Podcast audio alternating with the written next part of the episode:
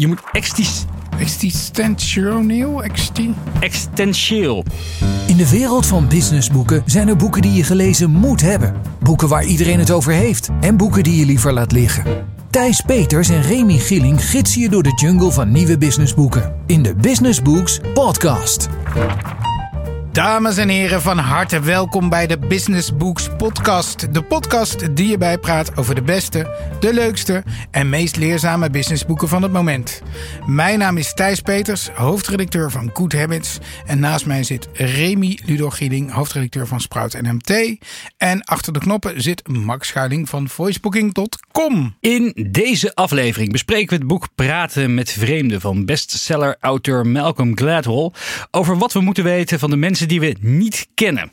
Leren we wie de toekomst van artificial intelligence bepaalt in het boek AI Superpowers van de meest populaire blogger van China, Kai-Fu Lee. Nou, mag jij gaan gokken wie eh, die race gaat winnen, Thijs? Eh, spreken we met voormalige adviseur van Barack Obama, Safi Bakal, over het behalen van krankzinnig ambitieuze doelen. En delen we de lessen uit het boek Het Oneindige Spel van Simon Sinek. Maar nu eerst, Thijs, reacties van luisteraars. Uh, ja, uh, Journes Sledders, uh, Sleddens, afstudeer, stagiair Glamour's Goat, die reageerde. En die schreef in een half uurtje bespreken Thijs en Remy de businessboeken die je juist wel of niet moet lezen. Handig en interessant. Maar ik heb ook uh, kritische feedback gehad. Uh, oh jee. Ja. Oh jee. Ja. Wat hebben we nu weer fout gedaan? Nou, we, we, zijn in de laatste uitzending iets te veel aan zelfpromotie gaan doen. En mensen dachten, kom, kom nou eens een keer met die boeken. Hè? In plaats oh, okay. van over jezelf. Oh, ik dacht dat mensen ook de podcast luisteren omdat ze ons leven zo interessant vonden. Maar ik, uh, helaas, ik, dat ik denk dat we, dat we deceptie. Dan eerst even een goed boek moeten schrijven. maar toch ben ik wel benieuwd of jij nog iets hebt meegemaakt, Remy. Nou, nog geen persreisjes tot dusver. Ik heb de CES in Las Vegas dit keer aan een uh, collega gegund. Uh, wel ben ik begonnen met het opnieuw toepassen van het boek uh, Grip van Rick Pastoor. En nou ja, ik had vorige keer al verteld dat ik AI.nl had gekocht. En het grappige is nu wel dat ik allemaal mails binnenkrijg van mensen die dus in een mailprogramma een URL verkeerd intypen. Dus ik heb nu al hotelboekingen binnen, offertes van allerlei producten en diensten. Een medisch dossier ligt inmiddels in mijn mailbox te roken. Uh, ja, erg komisch. Jij, goede voornemens voor 2020? Nou ja, ik ben bezig met Dry January. Hè? Oh, goed. Ik had, ik had ook al Droogtober gedaan. Ik dacht, wat zie je er al gezond ja, uit uh, vandaag? Uh, dat blijft tijdelijk, want ik vind het toch wel lekker, een glaasje op tijd. Maar ik merk wel dat ik veel beter slaap. En ik heb me wel echt voorgenomen wat meer op mijn slaap te gaan letten. Ik merk als ik goed slaap dat alles een beetje makkelijker gaat. Dat ik sneller werk, efficiënter. Dus, uh, ik er is ook proberen... een boek over geschreven onlangs. Die, die volgens mij Bill Gates heeft aangeraden. Dus misschien moet je die in de volgende aflevering bespreken. Oh, dat is een interessante. Nou, die gaat dan op het, uh, op het to-do-lijstje. Ja, want Bill ja. Gates schreef er ook over dat hij altijd vroeger bij Microsoft tot, uh, tot, tot de late uurtjes doorwerkte. En nu hij dit boek had gelezen, dat hij in één keer inzag van... oh, dat is, dat is echt het, het meest domme wat ik had kunnen doen. Maar goed, het is alsnog uh, redelijk goed uh, afgelopen voor ja, best wel, hè? de beste ja. man. Nou, dan gaan we door met het eerste boek. Praten met vreemden. Wat we moeten weten over de mensen die we niet kennen. Thijs, wat zeggen de recensenten? Dit boek verandert niet alleen je kijk op vreemden, maar ook op jezelf, het nieuws en de wereld. Oprah Winfrey. Nou, als zij het zegt, dan moet het wel een bestseller worden. Ja, ja, ze had vroeger die boekenclub. Ik weet trouwens niet of ze dat nog steeds heeft. Maar als zij een boek aanraadde in haar show vroeger. Dan wist je, dan hoefde je als auteur nooit meer te werken. Uh, dus dit is wel een recensie waar je blij mee bent, ja, uh, denk ik. Je hebt het boek gelezen. Uh, waarom zou ik in vredesnaam willen praten met vreemden? Ik praat al genoeg met mensen die ik wel ken. Nou, ik denk, denk dat jij juist als journalist enorm veel met vreemden oh ja. praat. ik zie ze al heel snel als bekende. Ja, ja, misschien is het dat. Ja. Uh, maar, maar dat is misschien ook wel een beetje waar het boek over gaat. Wat hij zich eigenlijk afvraagt. Waarom uh, is het zo lastig om vreemden echt goed te doorgronden? En waarom kunnen we bijvoorbeeld leugenaars niet ontmaskeren? En Malcolm Gladwell schrijft voor de New Yorker ook is een hele goede auteur, echte verhalen verteller. Dus dit probleem uh, gaat hij beantwoorden. Natuurlijk met, met behulp van wetenschappelijke inzichten. Maar hij gaat ook. Hij pakt een aantal verhalen die we allemaal kennen uit de actualiteit of uit het recente verleden. En hij vertelt het verhaal van waarom hebben we die mensen niet doorgehad. Eén een verhaal is Anna Montes. Dat was een uh, CIA-agente uh, die jarenlang werd gezien als de Cuba-analyst van de CIA. En die heeft bij tientallen jaren voor Cuba gespioneerd. En ondanks dat een collega op een gegeven moment argwaan kreeg en zijn baas waarschuwde, kreeg ze altijd maar het voordeel van de twijfel.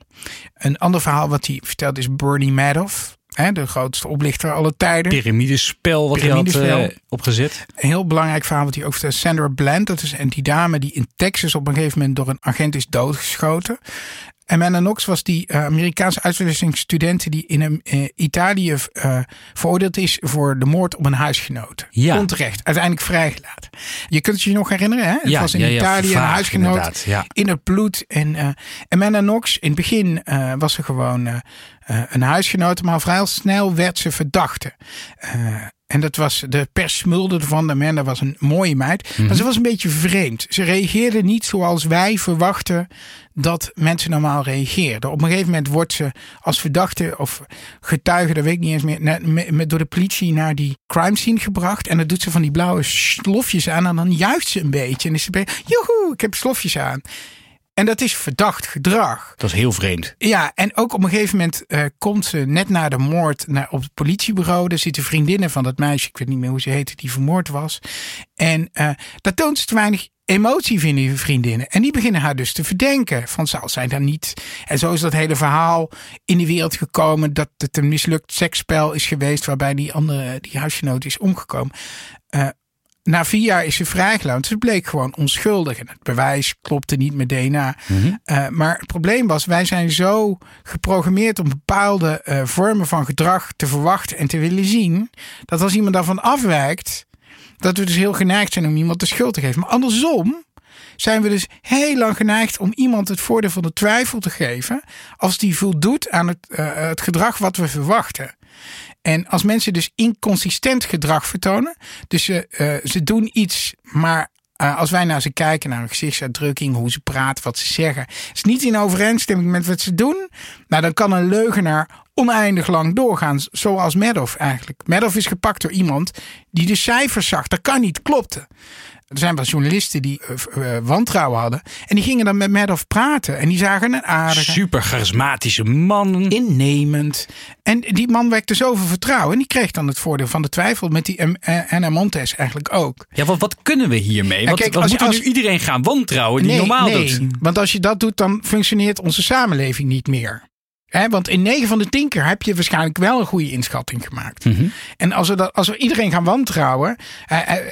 dat verhaal van Anna Montes. Anna Montes is ook wel mooi. Want hij had een ander voorbeeld bij de CIA.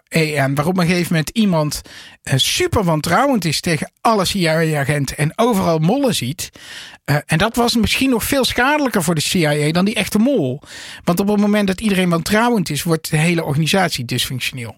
Geef je ook nog tips misschien? Nou, waar de oplossing misschien ligt, is in AI of in computers. Uh, want hij heeft ook gekeken naar uh, de inschatting uh, die rechters doen op basis bijvoorbeeld voor borgtocht. mag ik iemand vrijlaten op borgtocht en hoe groot is het risico dat iemand weer in de fout gaat? En rechters zeggen altijd: ik moet je in de ogen kijken. Hè? Dus vrouwen in boerka in, in de rechtszaal vinden we Mhm. geen goed idee. Amerika niet, in Nederland volgens mij ook niet. Want die rechter zegt: ik moet die verdachte in de ogen kunnen kijken. Ja, super slecht idee. Nou, dat biedt dus een schijnzekerheid. Want als je computers gewoon op basis alleen van de, van de files, van de, van, de, van de dossiers, een risico-inschatting laat maken, zijn ze gewoon beter dan die rechters. Dus wij hebben een soort. We, we houden onszelf heel erg voor de gek. Voor wie is dit boek? Ik denk dat dit uh, verplichte lectuur is voor rechters, politieagenten. Maar ook voor HR-medewerkers of als jij als ondernemer mensen moet aannemen. Wanneer, waar zou je het lezen of wanneer? Ik zou het uh, lekker voor de open haard, want het leest als een trein. Uh, en dan kijk je naar je partner. Uh, kijk je van, ben ik nou jarenlang voorgelopen? ja, wat, wat, het, Was je gisteren wel bij, ja, op ja. de tennisbaan? Ja, precies. Want je bent, natuurlijk, je bent heel erg geprogrammeerd om niemand te geloven. Want 9 van de 10 keer is het waar wat iemand zegt. Ja. Cadeautje kopen? Uh, ik vind het echt een leuk cadeautje, denk ik. Ja, ja. Gaan we door naar het tweede boek. AI Superpowers. Geschreven door Kai Fu Lee.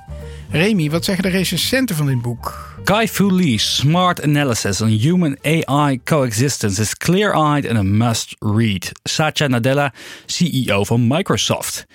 And in, this, uh, in his brilliant book, Kai Fu Lee applies his superpowers to predict the disruptive shifts that will define the AI powered future. Mark Benioff, de founder van, uh, van Salesforce. Niet, niet, niet de minste die het boek gelezen hebben. Nee, absoluut. En dan schaam ik me eigenlijk een beetje, want wie in, is in hemelsnaam Kai Fu Lee? Ja, ik ken hem echt niet. Nee, nee, ik kende hem eigenlijk ook niet voordat ik uh, aan het boek was begonnen. Maar het is een van de meest eh, prominente figuren in de Chinese internetindustrie. Hij was uh, founding director van Microsoft Research Center in, in Azië.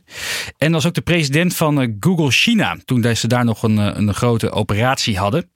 En ondernemer, investeerder in vooral in AI-bedrijven. En hij is een van de meest gevolgde microbloggers van China. Uh, hij heeft meer dan 50 miljoen volgers uh, die uh, zijn ideeën aanhangen elke dag. Dus het is wel een, in zeker in China en ook wel daarbuiten in Silicon Valley. Hij in het Engels? Want mijn Chinees is wat roestig. Nou, het boek is gelukkig in het ah. Engels in elk geval. Ik heb hem niet opgezocht op, op, op de site China Wow bij. Of hoe je het ook uitspreekt, waar, die, waar, waar die blogt. Maar hij schrijft in het Engels en hij is dus inderdaad echt een expert op, op het gebied van, van, van artificial ja, intelligence. Waar, waar gaat dit boek over? AI superpowers? Ik neem aan dat hij dan over China-Amerika heeft? Ja, het boek gaat eigenlijk over, uh, over de strijd om, uh, om, uh, om artificial intelligence. Wie, gaat, wie komt er als, als winnaar uit de bus? En dan inderdaad vooral de strijd tussen, tussen China en Amerika. Amerika werd lange tijd gezien als het mekka van AI. Alle research kwam daar vandaan. Alle docenten, alle denkers waren in Amerika gevestigd. En China liep jarenlang achter. Het werd gezien als de copycat van de wereld. Elk idee wat ergens werd, werd gedaan, kopieerden ze beetje halfbakken. Uh, en zo draaide hun economie. Maar, uh, in, uh, zo beschrijft hij ook, er is, een, er is een shift gekomen. Die shift was in het jaar 2016. Ze hadden hun Sputnik-moment, zoals hij het beschrijft. Wat was er toen? Je hebt er vast van gehoord. De, de wereldkampioen van het spel Go, de heer Lee Sedol, werd toen verslagen door DeepMind, een, een, een algoritme van Google.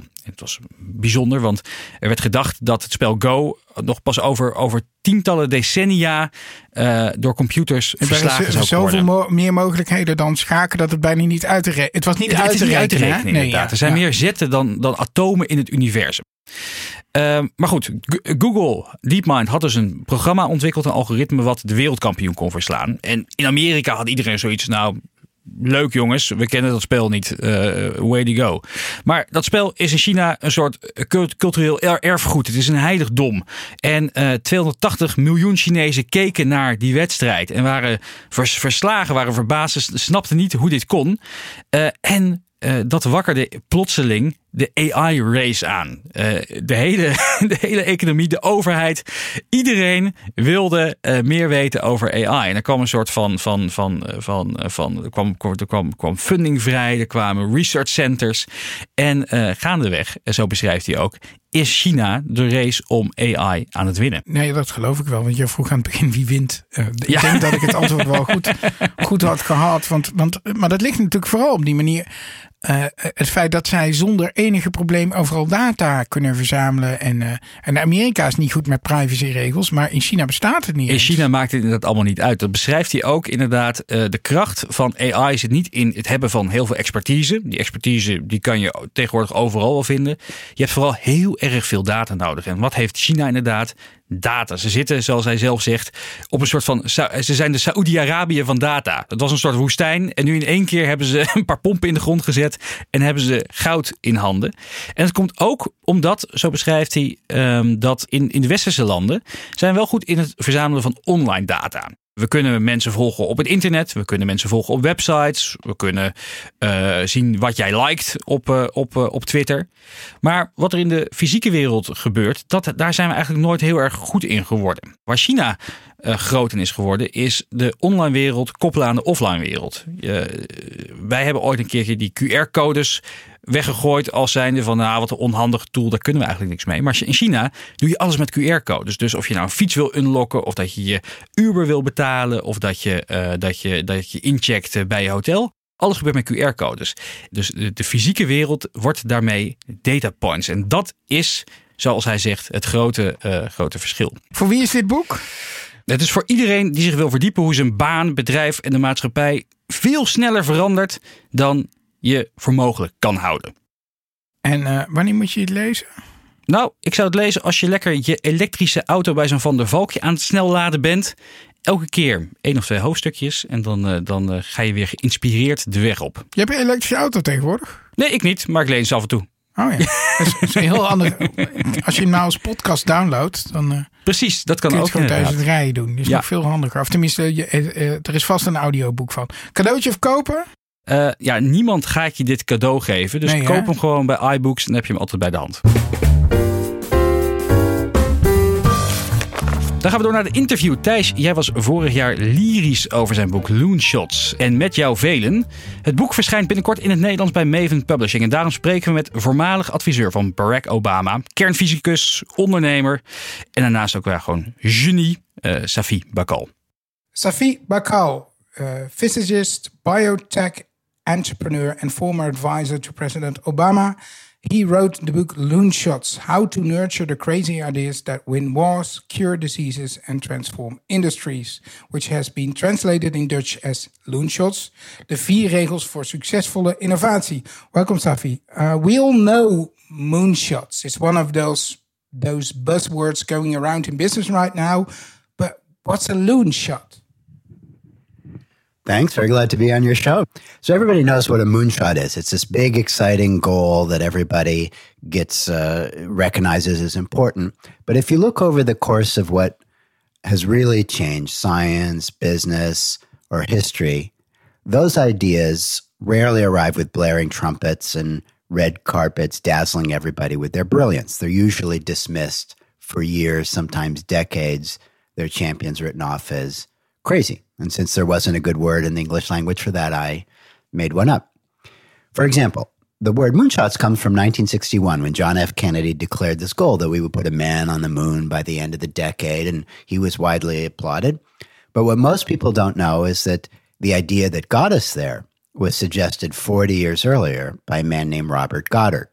So when he suggested this idea of rockets and liquid fuel jet propulsion, he was widely ridiculed. Like the New York Times took out an editorial and saying this guy Goddard doesn't understand basic laws of science and physics that we teach our kids and children, uh, our children in high school every day. There's nothing in space. There's nothing to push against. So rockets will never work. For me, it, it was a bit depressing to think that a lot of those great ideas there are somewhere fail to materialize. Sometimes they stay stuck in the basement forever, but not usually. The goal is if you're the entrepreneur, you're the manager, how do you design your team or your company better so that you can nurture those crazy ideas so that you're the ones bringing it to market, not the other guy? Don't we recognize those loan shots better nowadays? No, I don't think so. I think what you see is a lot of what you might call innovation theater. You see a lot of talk about innovation and trying to do it, but they miss kind of the core, which is how do we create an environment where you can do both, where you can focus on you know maximizing your core product, your core franchise, but also balancing the new at the same time. And what people so often miss or get wrong is that those are two almost exactly opposite things. So if you have the same, if you're a manager, you're an entrepreneur, and you say, you're, you know, I'm going to manage my company this way, it's almost going to be certainly wrong for one of those two things. I'll give you an example. The English word risk. You would think it would mean the same to everybody, but it doesn't. If you're, let's say, the soldier in the company focused on on time, on budget, on spec, risk is a bad thing.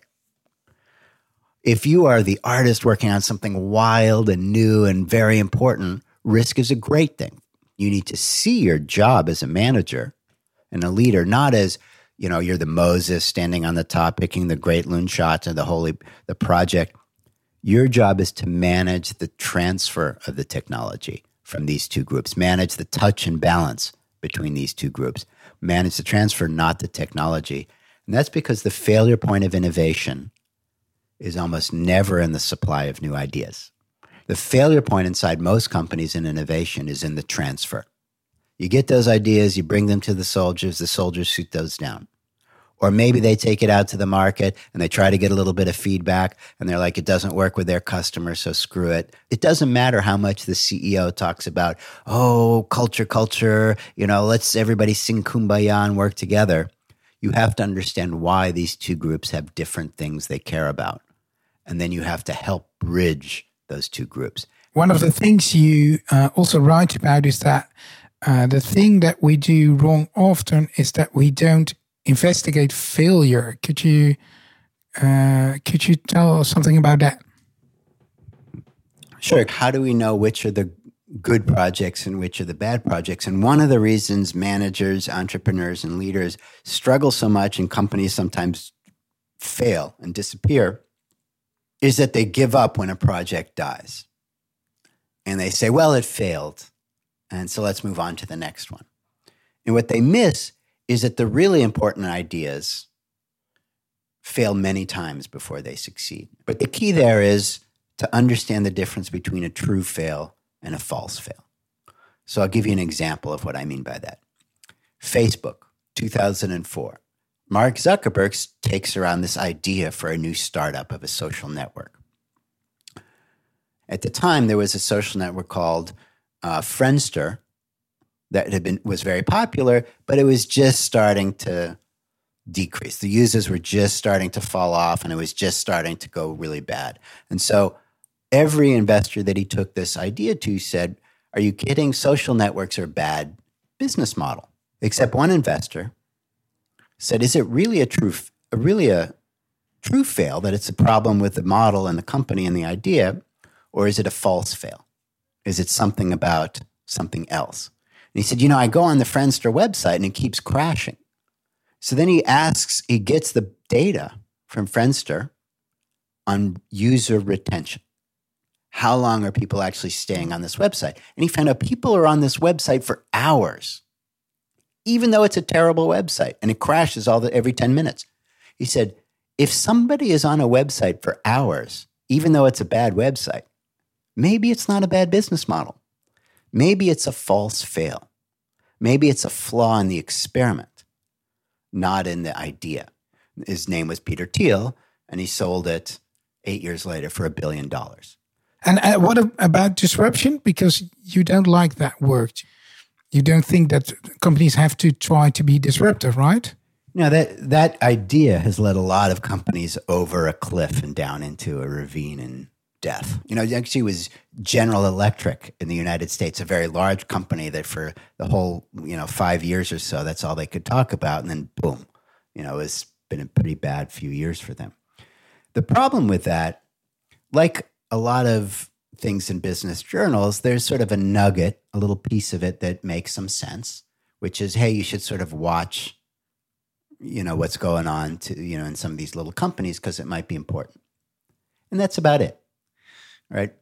It is not the case that the biggest breakthroughs always came from the tiny little companies working on something no one thought would work. The transistor was probably the single most disruptive invention of the 20th century.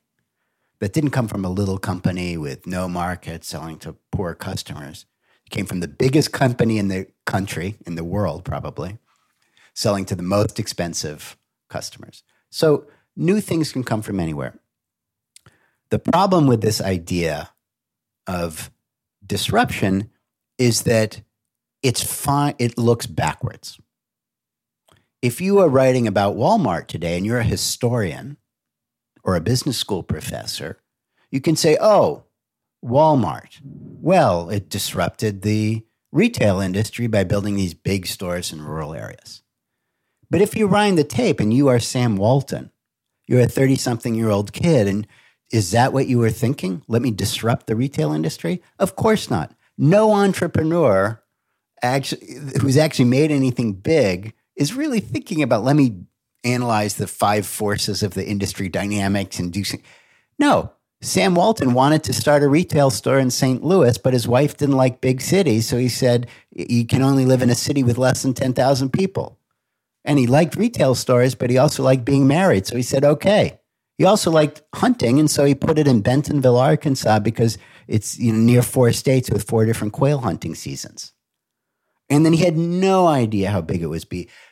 Amazon today makes the far majority of its profits from Amazon Web Services. Do you think Jeff Bezos started saying, "Oh, let me do this, you know, selling diapers online and books online and then, you know, in 20 years I'm going to have Amazon Web Services?" No. so, you talk about disruption and uh, disruption if you are analyzing history. But if you are running a team or a company today, what you want to do is nurture those crazy ideas, things that challenge conventional wisdom. You want to nurture them inside your own company. Why? You don't want to wake up one morning and read in the newspaper that your competitor did it. Um, the last question. Uh, after writing this book, I assume a lot of people came to you telling about their loan shots or about their findings or uh, but did you discover any new stories about real loon shots after publishing the book? Oh so many um, stories. I, I, don't even know kind of where to begin but um, I, I, was just you know at the navy and they had this um, uh, crazy idea of you know, our periscopes are kind of old and uh, the new technology is not working very well. How do we control our periscopes and our submarines? And someone came up with a crazy idea. Well, what about an Xbox controller from those little games that you use? You know, and they it was a crazy idea. Who you know, who in the military would actually take like a retail game and put it on a, you know, hundred million dollar Navy ship? But it worked. It actually worked better than the technologies that were, you know, a hundred or a thousand times more expensive. Not only that, the people in the Navy, the young kids who were, you know, working on this stuff instantly got it. And so they were instantly trained and used it very well. It was a crazy idea, but it worked very well. And then there, you know, many examples in business, but I thought that was sort of funny and, uh, you know, from the military. Thank you, Sophie, for this uh, interview. Ja, de man is briljant. En eh, ook fijn dat het boek nu in Nederlands verschenen is. Hadden we vorig jaar ook een oproep over. Ja, go Maven. Echt, vertaal dit boek. Ehm, maar nu gaan we alweer naar het laatste boek. Een van de best verkopende managementboekauteurs van het moment. Uh, maar de grote vraag is of zijn uh, meest recente werk net zoveel invloed gaat hebben als zijn grote epos uh, Start With Why. Het boek heet Het Oneindige Spel van Simon Sinek en Remy. Wat zeggen de recensenten daarover? Dit is zijn belangrijkste idee tot nu toe. Adam Grant. Een welkome stap in de noodzakelijke transformatie. Ben Tigelaar. Oké, nou, eh, Grant is uh, uh, we zijn uh, Grant-fan. We zijn zeker Grant-fan, ja. Grant, kan niet wachten fans. tot er weer een volgend boek uitkomt. Ik vond de laatste boeken die Sinek produceren na Starts Met Why een beetje allemaal hetzelfde. Is dit echt iets het anders? Was, het was pure meuk, dat kunnen we wel zeggen. ja, het was, echt, het was, echt... Het maar een werkboek, het was uitmelken. Ja, het was echt het uitmelken inderdaad van een, van een uh, eens uh, glorieus idee. Uh, is dit boek anders? Nou, in ieder geval, het, het, het, het, sluit totaal niet aan op Start With Why. Dus mensen die denken dat dit een soort vervolg is op, op op, op dat thema. Hij heeft het helemaal losgelaten. Ik was ook laatst op een seminar van ja, hè, ons alle grote denkproducties die, die hem weer naar Nederland had gehaald. En uh, uh, daar kwamen ook vragen van de dag, voor niet van de dagvoorzitter, maar van de, van de interviewer en uit de zaal over Start With Why. Hij wil er ook gewoon niet meer over hebben. Als je een vraag krijgt, zegt hij: Kijk, kijk mijn pot, lees mijn boek of, of luister een podcast of kijk die TED-talk voor 18 minuten. Je bent er zo doorheen. Het is geen rocket science. Hij wil alleen maar, maar hebben over zijn nieuwe werk. En dat is The Infinite Game, het oneindige spel in het Nederlands. En wat hij daarover zegt, is eigenlijk dat mensen die in het zakenleven met elkaar omgaan, heel vaak uit zijn op korte termijn gewin. Wij willen een markt veroveren. We willen nu de grootste worden. We willen de concurrent verpletteren. Uh, en wat hij eigenlijk zegt is, ja, dat is een verkeerde gedachtegang. Want uh, je kan niet winnen in het zakenleven. Het gaat erom dat je, uh, dat je je moet focussen om zo lang mogelijk in het spel te blijven. Het gaat niet om dat je misschien nu uh, komend jaar uh, 10 miljoen winst maakt. Het gaat erover dat je over 100 jaar nog steeds bestaansrecht hebt. En dat, zegt hij zelf, uh, vraagt een andere mindset. En daar heeft hij in zijn boek eigenlijk gewoon vijf heel handige handvaten voor gegeven over hoe je daarmee moet, hoe je, daar, hoe je dat kan bereiken, hoe je die mindset moet aannemen. Noem ze op. Allereerst, je moet een, uh, een, een belangrijke uh, toekomstdroom nastreven. Je moet streven naar een betere wereld. Want zo zegt hij, als jij nou een droom hebt, uh, iets wat jij met je team bewerk gaat stellen, dan zijn mensen ook bereid om daar offers voor te nemen. Dan gaan ze harder werken. Dan zijn ze bereid lange uren te maken. Om dingen te laten die ze anders zouden doen in die tijd. Die ze nu in je bedrijf steken. Dus heb een belangrijk doel. Een voorbeeld ik, daarvan ik, is. Ik, ik, ruik een beetje. Ik, ik, ik, hoor hier een beetje de Big Harry Audacious Goal. Het is een van, beetje een van, Big Harry Audacious Ja. Goal. Maar ook eentje die dus wel iets betekent voor anderen. Want je kan ook een, een Big Harry Audacious Goal hebben van... goh, wij, eh, wij gaan eh, onszelf puissant rijk maken. Maar dat, dat, is, dat is leuk voor jezelf. Maar dat, daar gaan Ja, we- anderen we, niet we voor je doen aan lopen. purposeful ondernemen tegenwoordig. Hè? Dus dat is een Ja. beetje uit. Een, een voorbeeld is bijvoorbeeld het eh, een Patagonia, dat kledingmerk. Ja. wat helemaal hip is in Silicon Valley ook. Elke, elke investeerder draagt zo'n draagt zo'n jackie. Die had op een gegeven moment een advertentie geplaatst in de New York Times. met daarop groot: Don't buy this jacket. En eh, daaronder van, eh, van, eh, hadden ze helemaal uitgerekend zeg maar, hoeveel het kostte in middelen en vervoerskosten en rotzooi om dat jack te maken. Met uiteindelijk het moraal van het verhaal van als je niet echt iets nodig hebt, denk even twee keer na of je het wel moet kopen. Waren mensen die zeiden dat het een publiciteitsstunt was, maar volgens, ehm, volgens, volgens Sinek is dat nou echt een, een goed voorbeeld van een, van een bedrijf wat een belangrijk langetermijn doel nastreeft. Niet zozeer gaan voor korte termijn winst, jasje verkopen, maar gewoon langetermijn good for the planet. Tweede is, ga ik even snel doorheen. Eh, je moet eh, vertrouwen hebben in teams. Een beetje Amy Edmondson, hè, de, de, psychologische veiligheid wat belangrijk is. Je moet waardige rivalen kiezen. Eh, mensen die je uitdagen om, het, om nog beter te worden. Zo zei hij zelf dat hij op een gegeven moment eh, Adam Grant als aardsrivaal in zijn hoofd had, ge- had gezet. En eh, dat, hij, dat hij alles, eh, dat, dat, dat hij elke dag aan het checken was wie hij meer, weer meer boeken had verkocht. En als hij dan minder boeken had verkocht, dat hij zich ook een beetje depressief voelde. Op een gegeven moment kwamen ze elkaar tegen, bleek het allebei hartstikke aardige kerels te zijn. En snapte die ook dat mensen meer dan één businessboek konden kopen. Dus er was in de, in de Infinite Game, zo schrijft hij, geen reden om zo tegen elkaar te zijn. Maar wel goed om, om het beste uit jezelf te halen. Je moet ex, je moet extis, Existentieel? Exti. Je moet. Wees existentieel flexibel, zo schrijft hij. Je moet je schepen durven te verbranden. Als oude businessmodellen niet meer werken, ga voor nieuwe. Bekend verhaal natuurlijk Kodak. Eh, het, de patenten waren uitgelopen voor de digitale camera's. Ja. Eh, de, de, de, de, de, er was geen, geen cent, eh, cent meer onderaan eh, aan, aan, aan de poet. En die, die hebben de strijd verloren omdat ze niet durfden te innoveren. En tot slot het moed om te leiden. Dus durf, durf ook weer radicale keuzes te maken.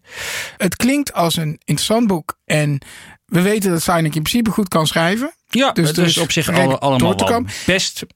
Maar het is geen revolutie, hè? Ik, is- ik hoor allemaal dingen die... Nee, en, en daar schuurt het ook wel een klein beetje bij. Het wordt, het wordt eigenlijk gebracht als zijnde van... nou, dit is het allergrootste, de belangrijkste inzicht die ik ooit heb gedaan. Hier gaan alle bedrijven revolutionair door veranderen. Terwijl, ja, onderliggend is dit toch ook wel een beetje de, eh, de bekende weg... die we al aan het inslaan zijn volgen. En eerlijk gezegd, de samenvattingboek wordt gegeven in hoofdstuk 1. Daarmee kan je al redelijk goed uit de voet. Ja, dat is een beetje flauw misschien. Maar het is natuurlijk heel nuttig om al die belangrijke inzichten in één boek samen te brengen. Maar goed, het is een handig boek. Voor wie raad je het aan? Ja, managers van bedrijven die de hete adem van een snel veranderende markt in hun nek voelen hijgen. En eh, af willen van traditionele businessmodellen. En misschien wat handvaten nodig hebben om hun leidinggevende daarvan te overtuigen. Wanneer moet je dit lezen? Nou, eh, als je vrouw aan het bevallen is, zou ik hem even openslaan. Eh, het is een tikkeltje saai. En, eh, maar wat ik al zei, gelukkig verklapt het eerste hoofdstuk een hele hoop. En weet je, als je even een lezing van hem boekt ergens een keer, dan krijg je eigenlijk ook al inzichten wel te horen. Ik wist niet dat jouw vrouw was bevallen. Nee, gelukkig niet. Cadeautje verkopen? Ehm, ik zou wachten totdat iemand het je cadeau doet. Ja, want je zou het niet kopen. Nee. Nee. Oké. Maar uh, desalniettemin zal het als een trein verkopen. Dus ik denk niet dat uh, mijn uh, two cents daarin enig verschil zullen maken. Ik, ik ben heel ambivalent. Ik, enerzijds ben ik fan van hem. Ik start bij why echt. en anderzijds een beetje kritisch op zijn, zijn latere Andere werk. werken. Ja, ik ben, ja. ben daar. Ik, ik, volg dat ook. En ik moet zeggen, dit is, het is oké. Okay, maar je verwacht van iemand die zo'n grote denker is, eigenlijk toch wel een beetje meer. Adam Grant is beter. Qua originaliteit. Ja. Ja, nou dan heeft hij tenminste nog iets om naar te streven. ja. De Infinite Game is nog niet over. Ook niet uh, voor meneer Sinek. Dit was alweer het laatste boek. Thijs, Tips from Around the Web. Ja, een, een, een podcast weer. En ik heb volgens mij This American Life wel vaker aangeraden. Maar specifiek, erg leuk, kreeg ik een tip van een collega. Aflevering 129. Cars gaat over. Hebben ze uh, de verkopers van auto's in Amerika gevolgd. En hoe, uh, hoe zij hun targets hebben en hoe ze auto's verkopen.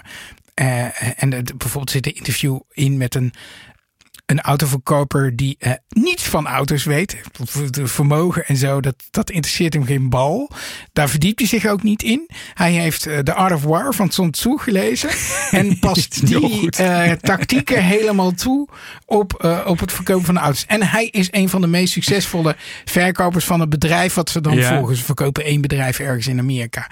Een hele leuke aflevering. Zeker als je van plan bent om binnenkort een nieuwe of een tweedehands auto te kopen. Dan heb je een beetje door wat voor spelletje die verkoper speelt. En wat er in zijn hoofd omgaat. Oh, gaaf. This is American Life, aflevering 129. Cars. Ja, ik heb een, grote aanrader van iemand die ook al een keer in de podcast is geweest. Scott Galloway, auteur van The Four. En hij heeft een, uh, een, een, een newsletter. Die heet iets van No Malice, No Glory. Iets in die trant. Als je gewoon naar Scott Galloway gaat, dan kan je inschrijven.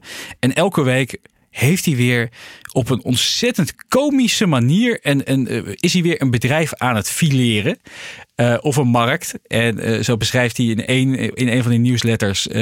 probeer, gaat, hij, gaat hij Jack Dorsey van Twitter aanvallen. Hij heeft blijkbaar 3 miljoen dollar in aandelen Twitter. Bleek, bleek dat die man schat helemaal rijk is. Wist ik ook niet. Professor van, van NYU, een paar bedrijven verkocht. Andere beschrijft hij dat hij met een ex-vriendinnetje een keer in een vliegtuig zat. Dat hij slaappillen had genomen. En halverwege de vlucht een beetje drowsy wakker werd. Terwijl zijn vrouw met een andere chick zat te tongen naast hem. Ja. hij, is een, een, heeft het, een open boek. Ik, ik vind het elke keer kijk ik er weer naar uit op de zaterdag dat hij in mijn mailbox valt. Oké, okay. waar kun je je abonneren dan? Scottgalloway.com geloof ik. Scottgalloway.com. Ja, ik heb hem toen gesproken, maar dan ga ik me ook ja, abonneren. Ja, is heel leuk. Dat was het al, Remy. Je aflevering 17 van de Business Books podcast. Ja, vond je het een leuke aflevering? Vergeet niet even wat, uh, wat uh, positieve of kritische feedback te geven via, uh, via social media of podcasts.mt.nl. Uh, dat helpt ook weer de podcast om beter gevonden te worden. En uh, vergeet je niet te abonneren. Dat kan via Spotify, Soundcloud of Apple Podcasts. Heel graag tot de volgende aflevering. Tot zover de Business Books Podcast. Meer afleveringen luisteren? Abonneer je via iTunes of Soundcloud en krijg een melding wanneer er een nieuwe aflevering live gaat. De Business Books Podcast is een uitgave van Sprout en Management Team en wordt geproduceerd door voicebooking.com.